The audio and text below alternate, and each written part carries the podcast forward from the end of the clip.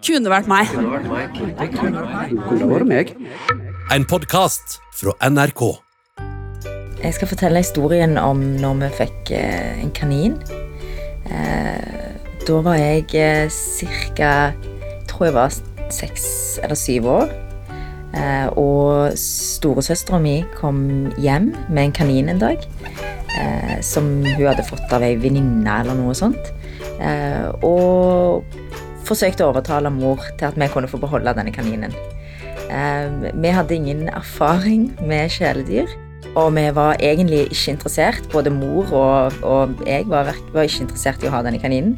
Men søstera vår eh, overtalte oss, og da ble det sånn. Da fikk eh, Prins, som eh, søstera mi kalte han, eh, fikk bli hjemme hos oss, og vi skulle ta vare på han og passe på han.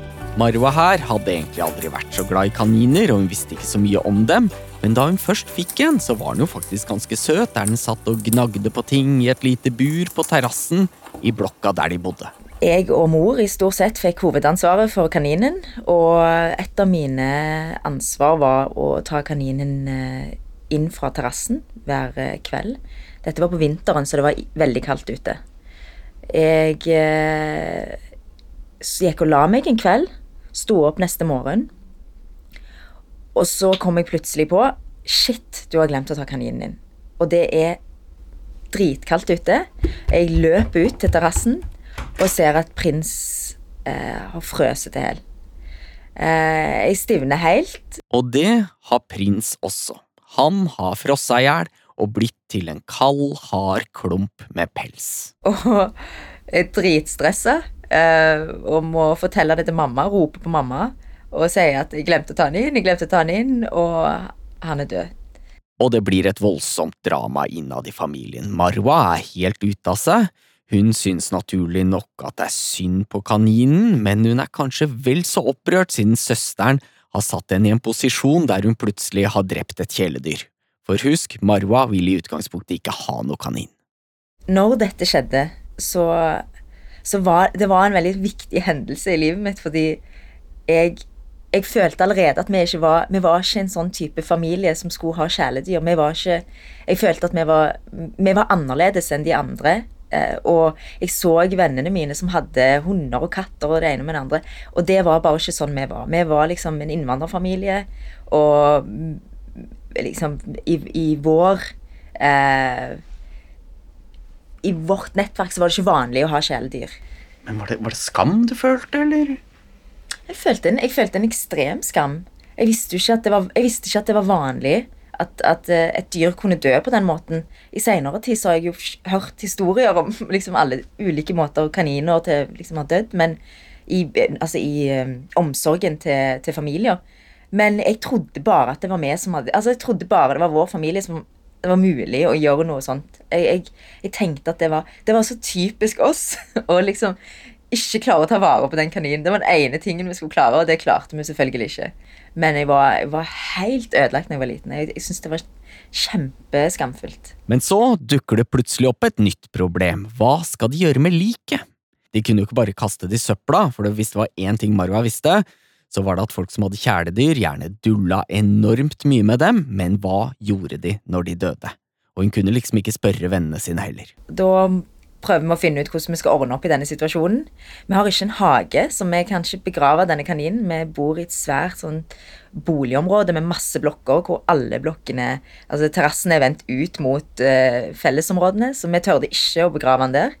Uh, og dette var, det var dette vi skulle finne ut av da. Uh, men så, så bestemte meg og mamma meg for, meg og mamma oss for at vi skulle Eh, jeg skulle komme hjem fra skolen, så skulle vi dra opp til eh, Sørmarka og, og, finne en plass å legge kaninen, da. Eh, vi la kaninen i en, i en plastikkpose og kjørte opp der på kvelden når det var mørkt, når ingen kunne se oss. Og så gikk vi ut i en sti, og så liksom så tror vi bare droppa kaninen liksom i en plastikkpose ute i skogen. For vi vi tenkte ikke over det engang. Vi var dritstressa for at noen skulle høre oss. Vi liksom løp tilbake til bilen. Dere blitt gjemt et lik. det, føltes jo, det føltes jo sånn. Og vi visste ikke hva, hva gjør nordmenn når kjæledyr dør. Vi visste ikke hvor folk gjør av disse dyrene. Eh, og vi hadde ikke hage, liksom, så da, da var vi litt stuck. Da ble det Sørmarka. Og, og så skulle vi aldri snakke om dette igjen.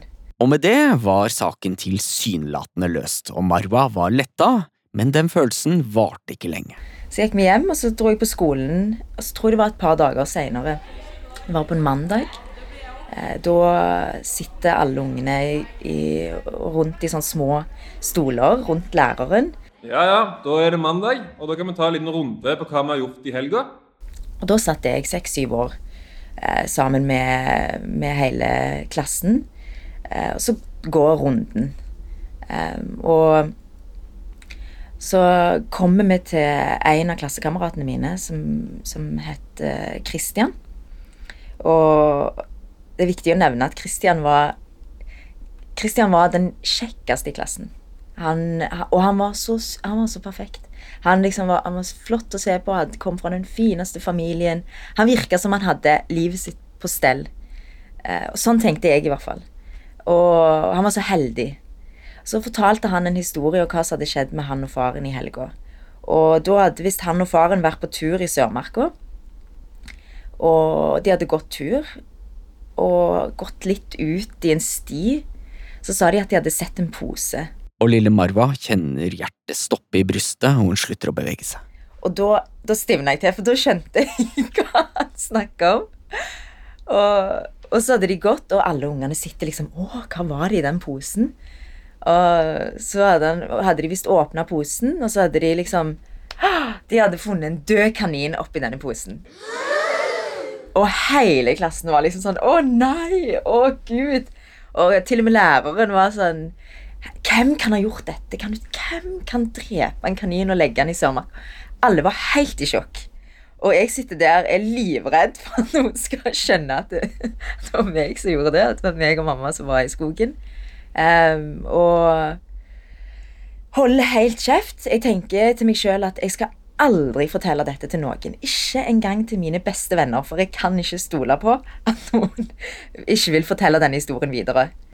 Så jeg, jeg var helt taus om det, og lata som ingenting. Og i friminuttet som følger må hun bare spille med og gjøre alt hun kan for å ikke få noe mistanke retta mot seg selv. Den dagen så lata jeg Så måtte jeg late som at jeg var veldig bekymra og syntes at det var Jeg lata på en måte som at jeg lurte på hvem som kunne ha gjort noe sånt. Og måtte liksom gå opp til Christian og snakke med han og bare uff. Og syns jeg jo Christian var litt kjekk òg, så jeg, var, jeg måtte, hvert fall liksom, måtte smiske litt opp til han. Og jeg ville for all del ikke at han skulle tro at det var meg og min familie som hadde gjort det. Han var helt forskrekka over at noen kunne lagt en, en død kanin i en, i en prikspose på Sørmarka. Så jeg ville ikke at det skulle, bli, at det skulle slå tilbake på meg. Så jeg, eh, jeg bar på det i, altså, i over 15-20 år. Jeg tror jeg, det, det er tydelig at det har vært noe skamfullt, for jeg har ikke sagt det til selv, altså selv mine nærmeste venner. Men, eh, men så jobba jeg For et par år siden så jobba jeg med eh, ei, ei venninne av Christian eh, på akuttpsykiatrien. Og, og så snakka vi, og så fortalte vi litt eh, historier og sånn. Og så kom jeg bare plutselig på det, så fortalte jeg henne den historien. Og hun holdt på å dø av latter, og hun syntes det var så løye. Spesielt også fordi det var Christian. Em, og, og hun overtalte meg til å fortelle den historien, så vi hadde, et jule, vi hadde en julebordsamling. Den gamle vennegjengen fra Stavanger møtes hvert år til dette julebordet, og denne Christian er en av de faste gjestene. Eh, og så kommer Solveig opp og er sånn Du må fortelle denne historien foran alle. Så var jeg litt sånn Nei, uff, nei. Og så til slutt så overtalte jeg meg. Så reiste jeg meg opp, og da satt Christian òg i, i publikum. Ok, hei alle sammen. Eh, I dag står jeg opp, for jeg har gjerne lyst til å fortelle en historie. Eh, en historie som omhandler noen i dette rommet, men eh, de vet det ikke sjøl. Jeg skal fortelle historien om min kanin, Prins. Og forsamlinga sitter lytter øre, Eh, og etter hvert så skjer det noe med ansiktet til Christian. Noen minner begynner å komme tilbake. Og I begynnelsen så tenkte jeg bare hm, hva er det som kommer nå? Jeg var egentlig litt spent på, på hva det dreide seg om. Etter hvert som hun fortalte eh, og kom til dette med posen, så var det akkurat som om det var noe som, som demra litt. Um, og litt ute i historien så kom hun liksom med en, en tilståelse som på en måte var retta mot meg, og da fikk jeg litt sånn eh, vondt av henne. For jeg, jeg følte det var sånn ubalanse. Hun kom liksom hun kom clean med noe som jeg ikke husker hadde skjedd. Uh, men jeg har et klart bilde av denne posen i skogen og kaninen som lå oppi. Um, og jeg husker at jeg syntes det var veldig mystisk. Og jeg var nok litt drama queen uh, i mine yngre dager. Så, jeg kan se for meg at at dette på mandagen ble lagt frem med stor innlevelse, og at, ble, at jeg ga uttrykk for at jeg nå sto i senter av en mordetterforskning. Um, og jeg har sikkert bedt pappa om å kontakte politiet òg. Og jeg tipper egentlig han bare sa han skulle gjøre det med at han får kasta posen i restavfallet. og de skjønner at det som har vært en skamfull hendelse for Marwa i mange år, egentlig kanskje ikke er så big deal, og kanskje heller en rekke med tilfeldigheter, ispedd litt drama queen-oppførsel, og som alt i alt kanskje er en litt trist, men mest morsom historie. Eh, men uansett var jeg, var jeg veldig glad for at Mara omsider fikk letta skuldrene sine for dette som måtte være en stor byrde som hun har båret på i så mange år. Så liksom så slenger han stolen bak seg og bare Hæ? Han skriker liksom Hæ, var det deg? det var utrolig løye. Og, og, så forteller jeg ferdig historien og, og sånn. Og, og, så kommer han bort til meg, da. Og så gir han meg en klem, og så sier han at du er tilgitt, og det var, det var bare Det var bare løye.